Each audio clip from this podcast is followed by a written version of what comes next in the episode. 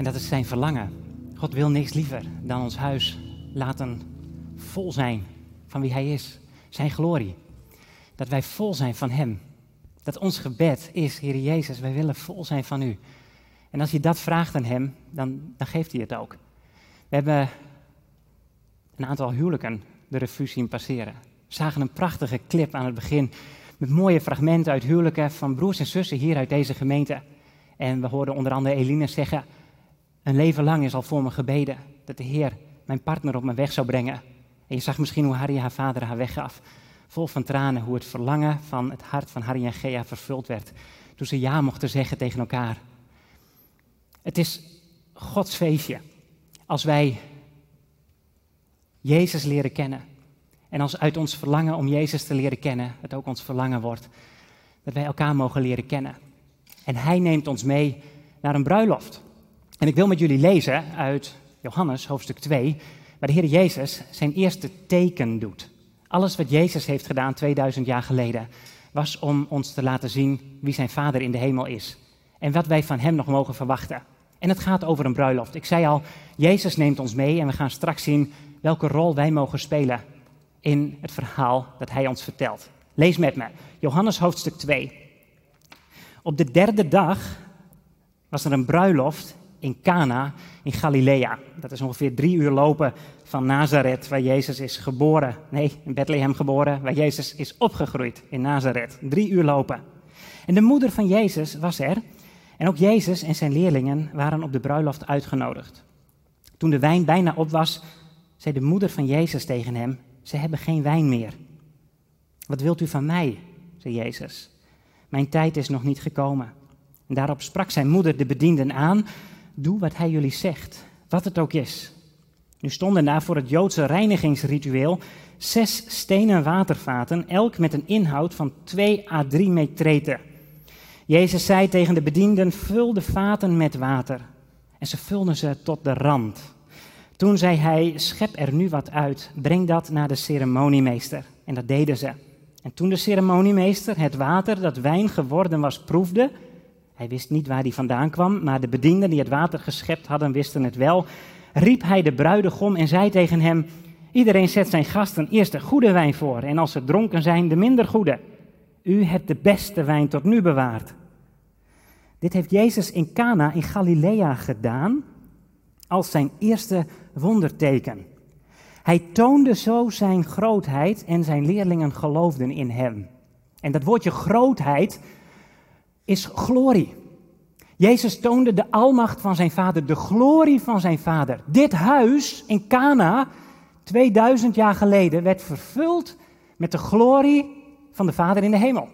En werd zichtbaar door zijn zoon Jezus Christus heen. Zoals het op een bruiloft zichtbaar wordt. Als een bruidegom zich klaarmaakt. En als een bruid zich klaarmaakt en ze komen samen binnen. Misschien heb je het meegemaakt in die kerk en ze wandelen naar voren.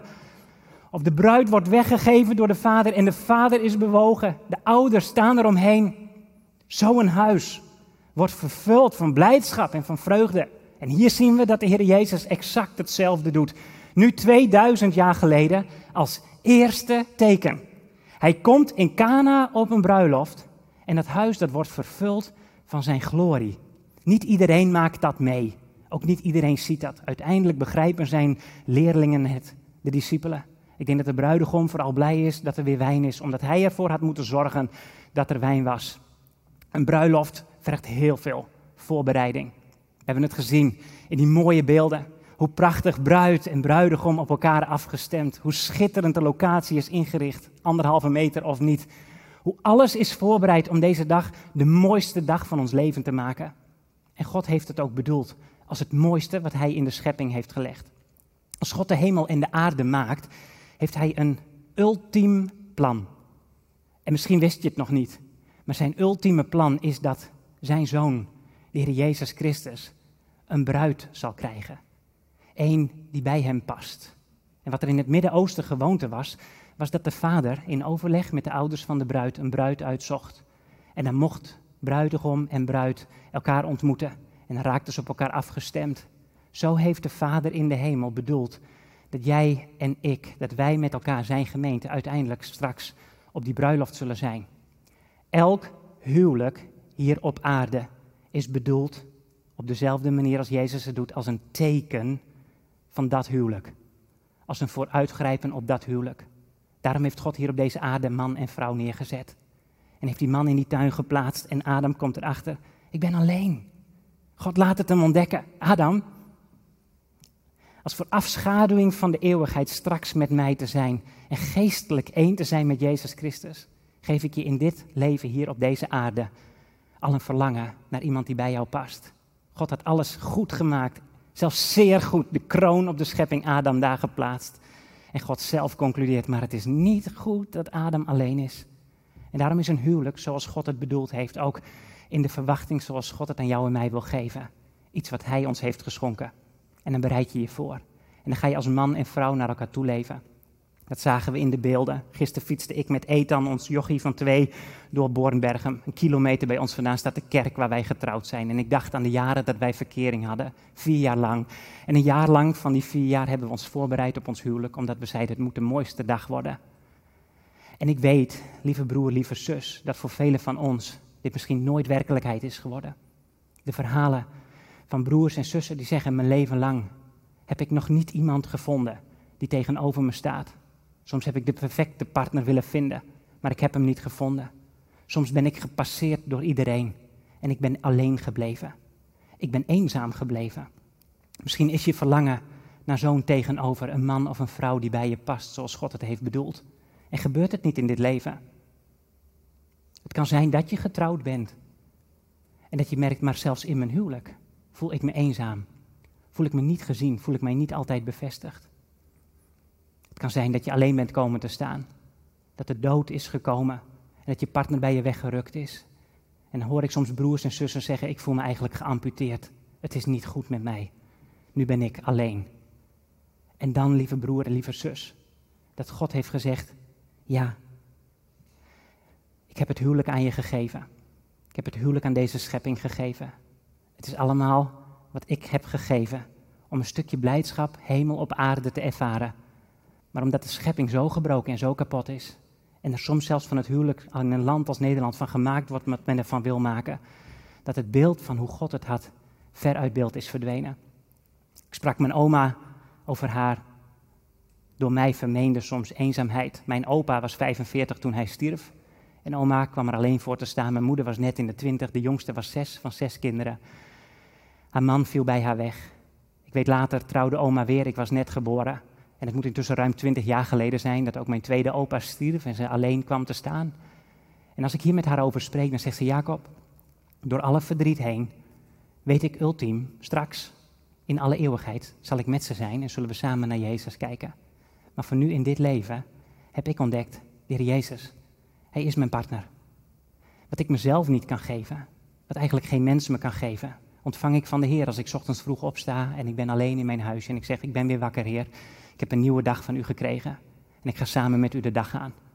En zo zie ik mijn oma als een, als een zus in de Heer die me voorgaat en die zegt, ondanks eenzaamheid ben ik niet eenzaam, want Jezus is mijn partner.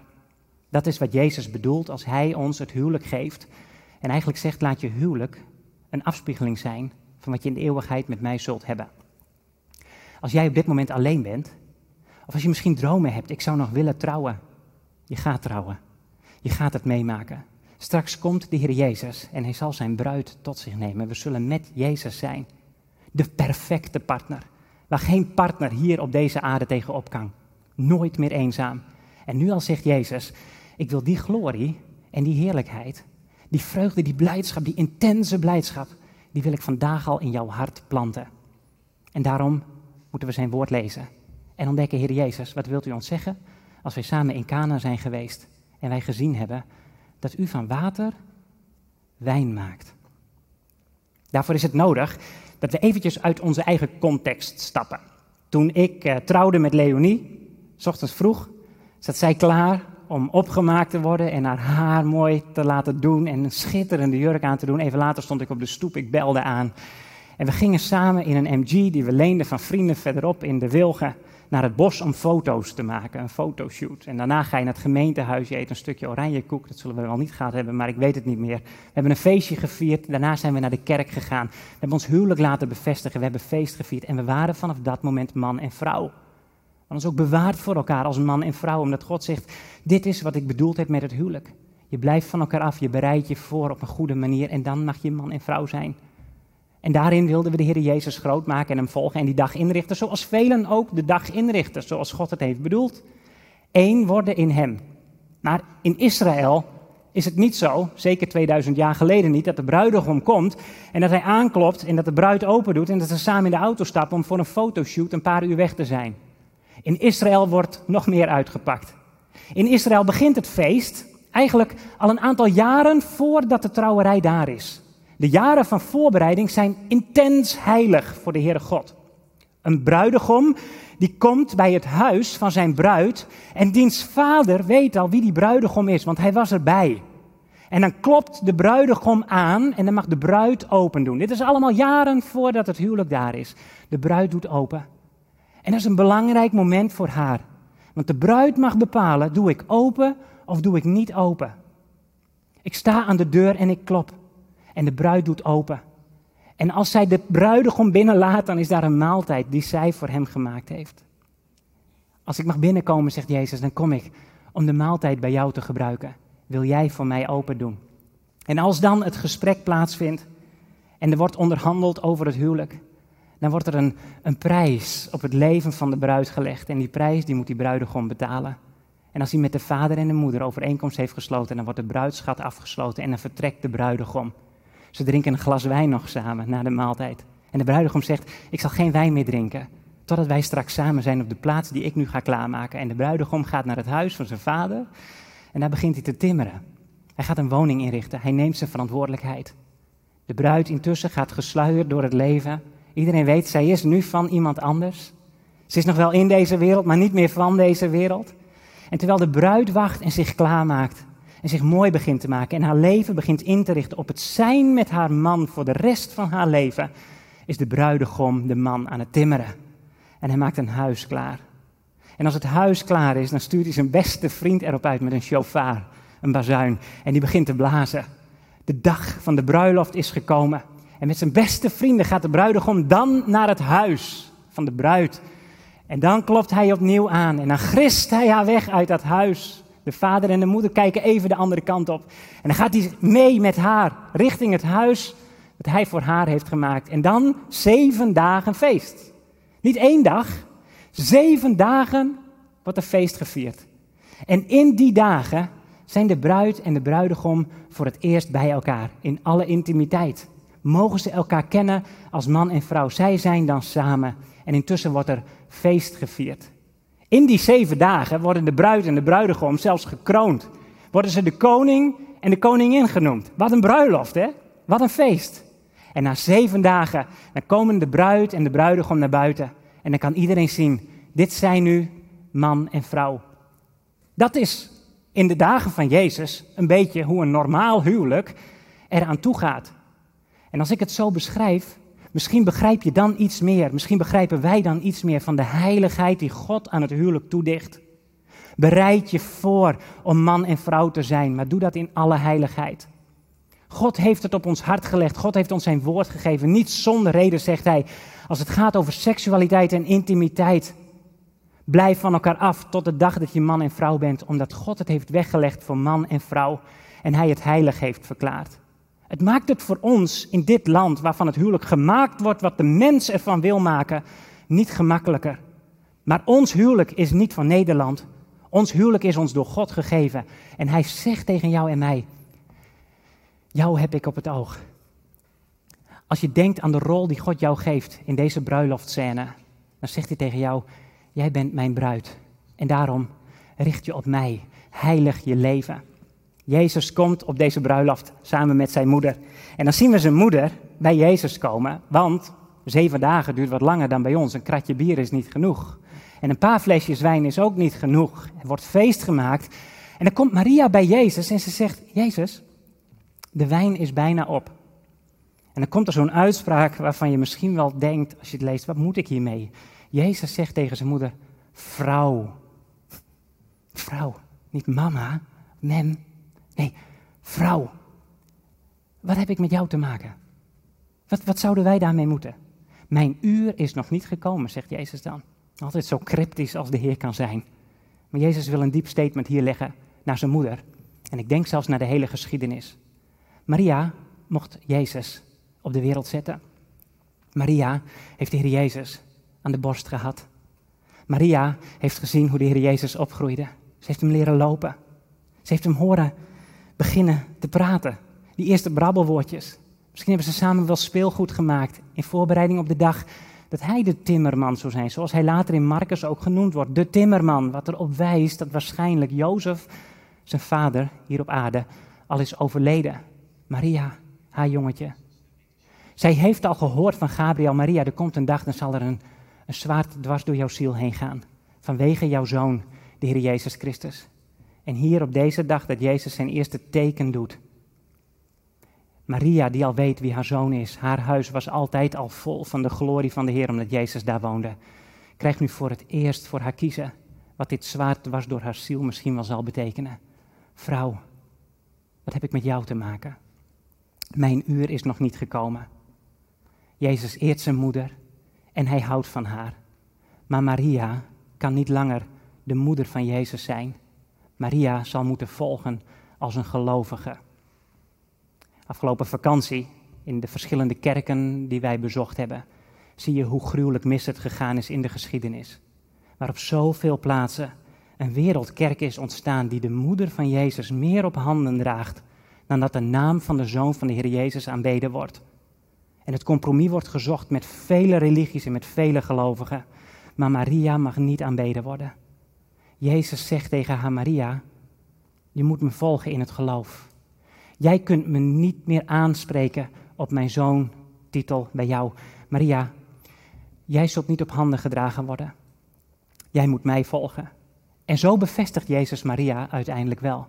Maria krijgt het te verduren, want uiteindelijk zal haar zoon op het uur dat gaat komen, als dat uur aanbreekt, en Johannes spreekt er meerdere keren over, zijn uur was nog niet gekomen, zijn uur was nog niet gekomen. Dat uur dat Jezus aan het kruis hangt tussen hemel en aarde. Dan zal ze begrijpen, het is ook voor mij. Dat deze jongen die uit mij geboren werd, de zoon van God, naar het kruis moest gaan en mijn Heer moest worden. Jezus bevestigt Maria, omdat zij daarna niet meer als moeder, maar als gelovige zegt, doe wat hij zegt. Luister naar Hem. Misschien hoor je niks van wat ik vandaag tegen je zeg, maar dit wil ik dat je in je oren knoopt. Doe wat Jezus zegt met Maria en luister naar Hem. En dan zegt Jezus, zie je die kruiken met water? Daar stonden zes grote vaten waar water in zat voor het reinigingsritueel. Hij zei, doe ze vol met water. Joden waren gewend en zijn gewend om bij alles wat ze doen hun handen te wassen, zich helemaal schoon te maken, soms de attributen die ze gebruiken ook helemaal te reinigen. En als ze op de markt zijn geweest, zelfs helemaal zelf in bad te gaan. En de hoeveelheid water die daar dan ook klaar moet staan, is niet weinig. Er dreigt een enorme schande over het leven van de bruidegom te komen, want de wijn is op. En ze moeten nog even. Daarom zegt Jezus, vul die kruiken. En de inhoud van die kruiken is 500 tot 750 liter water.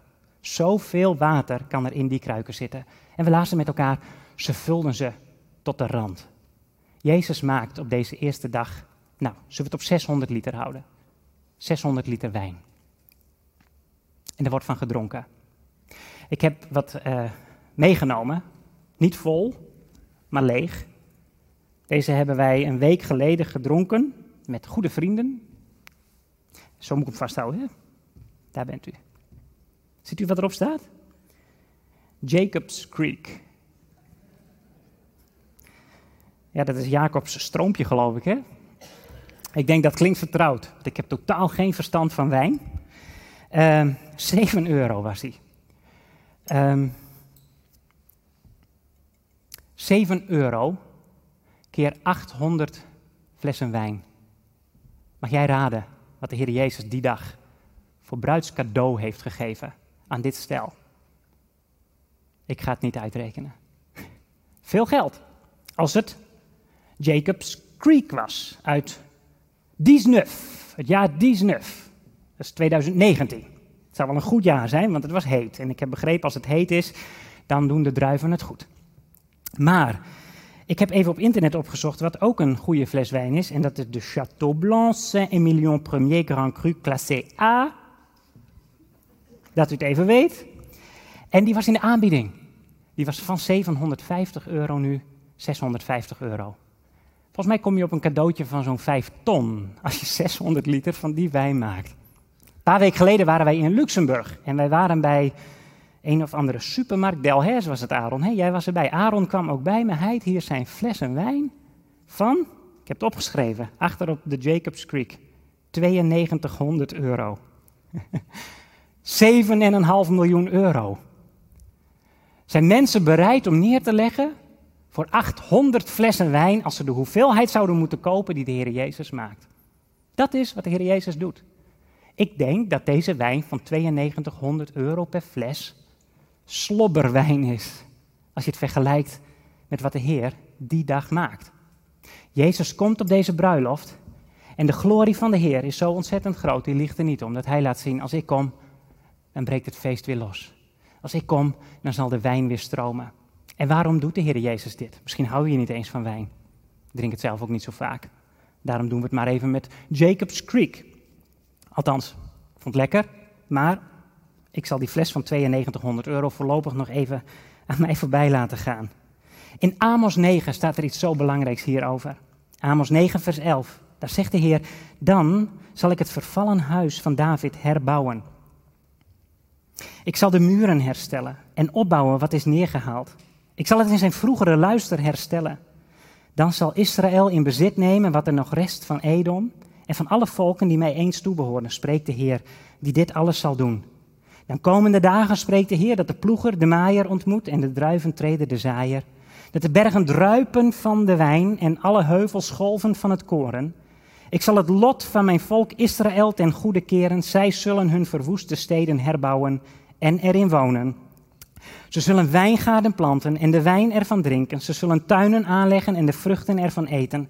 Ik zal hen terugplanten in hun grond en zij zullen niet meer worden weggerukt uit het land dat ik hun heb gegeven, zegt de Heer, jullie God.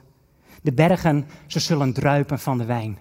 Dus als de Heer Jezus komt 2000 jaar geleden en hij begint iets nieuws in Israël, de dagen van zijn glorie breken aan. De verloving is begonnen. Hij heeft met ons het glas gegeven en als teken daarvan alvast 600 liter van die allermooiste, van die allerduurste, van die allerbeste wijn gemaakt. Dan zegt hij, er gaat iets nieuws beginnen in jouw leven.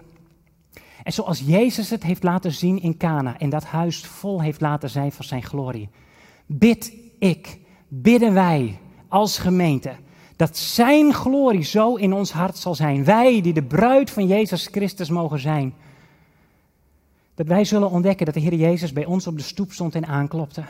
En dat wij open mochten doen. En dat Hij bij ons is binnengekomen en dat we met Hem hebben gegeten. En dat op jouw leven, jij die misschien wel alleen bent vandaag, een prijs is gelegd. En wie die prijs kon betalen, dat kon er maar één. Jezus heeft betaald met zijn leven. Dat was de bruidschat die hij neerlegde. Hij zei: Ik geef mijn leven. Ik sterf aan een kruis op Golgotha, zodat jij kunt leven. Ik wil jouw leven. En ik wil jouw liefde. Ik wil jou bij me hebben. En toen is Jezus erop uitgegaan. Hij heeft ons zijn cadeaus nog gegeven, de gaven van de Heilige Geest. En hij is in Johannes 14 gesproken naar het huis van zijn vader gegaan en hij is aan het timmeren. Diezelfde timmerman is een woning aan het klaarmaken. En we leven in afwachting van de dag dat die vriend van de Heer op die bazuin zal blazen. En dat hij de gemeente zal weggrissen uit deze samenleving. Zijn bruid. En wij in de zeven jaar die voor ons liggen met hem zullen zijn. Om uiteindelijk na die zeven jaar naar buiten te komen. En de hele wereld zal zien wie wij zijn. Omdat wij en ik nu zien wie hij is. Ons leven draait om onze bruidegom. Die zijn leven voor ons heeft gegeven die ons vol wil laten zijn van Hem en ons daarom wijn heeft geschonken om te zeggen, ik ga feest vieren met je. Ik geef jou mijn leven en ik geef jou mijn hart. Al 2000 jaar is de Heer Jezus die woning aan het klaarmaken. Hij blijft daarmee doorgaan tot de laatste persoon die bij zijn bruid hoort, de gemeente van Jezus Christus. Dat is Israël, zij die tot geloof gekomen zijn in Israël, de gemeente daarbij gevoegd, zijnd met hem tot hij zegt, nu is de volheid gekomen en ik neem jullie tot mij. En wij doen er goed aan om, zoals de bruid niet wist wanneer de bruidegom zou komen, bezig te zijn nu hem te verwachten. Ik weet niet of je het nieuws goed in de gaten houdt. Afgelopen week was in het nieuws hoe er een pact is gesloten tussen de Verenigde Arabische Emiraten en Israël. Zo zijn er nog een aantal Arabische landen die op dit moment om Israël heen staan. Willen wij weten hoe laat het is op de klok van Gods agenda, zullen we Israël in de gaten moeten houden. Ezekiel 38 beschrijft ons dat niet alle volken, zelfs het tegenovergestelde uiteindelijk, met Israël zullen kunnen optrekken. Er zullen, een, er zullen een aantal volken de wapens gaan oppakken, vlak voordat er zeven jaren aanbreken waarin Israël betrekkelijke rust en vrede eerst zal hebben omdat ze een pact gaan sluiten. Ik vertel het snel, maar lees in Ezekiel 38 hoe een groot, machtig volk uit het noorden zal komen. Daar waar ooit de Jodenvervolging 150 jaar geleden begon en Israëlieten voor het eerst begonnen terug te trekken naar het beloofde land. Hoe dit machtige land uit het noorden zich zal vertegenwoordigen. Met landen als, als Perzië staat er dan, waar tegenwoordig datzelfde woord Farsi wordt gesproken. Een Iran dat woest is op dit moment. Een land als Syrië, waar Rusland, waar Perzië, waar Iran, waar Hezbollah, waar al die vijanden van God zich beginnen te legeren om een klap aan Israël uit te delen.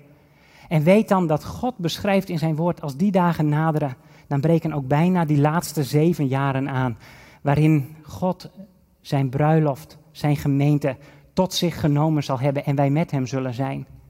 Het duurt niet lang meer. God is bezig zijn huis voor te bereiden. Jezus krijgt straks van zijn vader te horen opnieuw: Nu is het uur, je mag gaan om je bruid te halen. Dan, lieve broer, lieve zus, dan wil ik met jullie kijken naar, naar Openbaring hoofdstuk 22. Ik zal het nu niet lezen, maar de aspecten van wat een bruid mag doen in deze laatste dagen. Wat onrein is, wordt nog onreiner, staat daar. Wat niet heilig is, wordt nog onheiliger. Maar wie heilig is, wordt nog heiliger en wie rein is, wordt nog reiner. Doe schone kleren aan. Maak vandaag nog keuzes, want onze bruidegom komt eraan. De Heer Jezus komt. Ons huwelijk staat op punt van aanbreken. Je hoort zijn voetstappen al. Jezus wil ons bij zich hebben. En wat moeten wij doen om klaar te staan? Wij moeten gaan wandelen met de Heer Jezus zoals Hij het bedoeld heeft en zeggen, Heer Jezus, hier ben ik, uw bruid. Ik mag onderdeel zijn van uw volk. Ik hoor van broers en zussen hoe ze in de maanden die achter ons liggen door de Heer worden bemoedigd om weer, weer zijn woord te gaan lezen. En om soms, vaak zelfs, in hun leven te ontdekken, de keuzes die ik heb gemaakt waren niet goed. Ik hoor ook van stellen die zeiden tot nog toe, we dachten, als de kerk hierover praat, dan komen ze weer met hun regeltjes. Maar nu hebben we gehoord dat het huwelijk van God is. Wij blijven van elkaar af. En wij kiezen ervoor om ja te gaan zeggen tegen elkaar, want het huwelijk is van God. Om mensen die tot nog toe zeiden, ik leef voor mezelf, te horen zeggen, ik heb me bekeerd. Ik heb me opnieuw gegeven aan Jezus. En nu zeg ik, Heer, ik wil op u gaan lijken. Ik wil alleen nog maar met u bezig zijn. Dat we heilige, juiste keuzes gaan maken. Dat we schone witte kleren aandoen. Wat de wereld ons ook zegt. Hoe ze ons ook veroordelen over wat wij uitdragen over het woord van God. En wij zeggen, Heer, wij zijn alleen van u. En wij bereiden ons voor op de dag dat wij met u zullen zijn. En dan staat er zo prachtig aan het eind van Openbaring, hoofdstuk 22, dat uiteindelijk de geest en de bruid, dat zij roepen, kom. En dit zijn de dagen waarin de Heer Jezus zijn gemeente hier nog op aarde heeft. Wij zijn hier nu nog en onze taak is om mensen te roepen en te zeggen, kom, leer Jezus nu nog kennen. Hij is je bruidegom, hij heeft de prijs voor je leven betaald. Hij wil ook voor jou een kamer inrichten. Kom, bekeer je, leer de Heer Jezus kennen. Zodat wij mogen doen wat hij wil. Zijn naam bekendmaken en zeggen, dat is mijn bruidegom. En ik schaam me niet voor hem, maar ik maak keuzes die van hem zijn. En ik heb van Maria gehoord, ik moet doen wat hij zegt. En daarom kies ik ervoor om Jezus te gehoorzamen en hem te volgen. Ja, kom Heer Jezus en kom spoedig. En dat is wat hij heeft beloofd. Hij komt eraan en de dagen zijn kort. Bereid je voor, wees de bruid van Jezus. En het gaat feest worden. En we gaan samen zijn in Gods eeuwigheid. En we gaan een wijntje drinken samen met hem. En er is een rivier van levend water. Als je geen wijn drinkt, drink uit de rivier van levend water. Maar we gaan feest vieren en jij zult erbij zijn. Als Jezus Christus jouw bruidegom is en als jij weet, ik mag zijn bruid zijn. Hij heeft mij uitgekozen. En samen maken we ons klaar voor Hem. Zijn glorie in mijn hart en in jouw hart en in dit huis. Amen.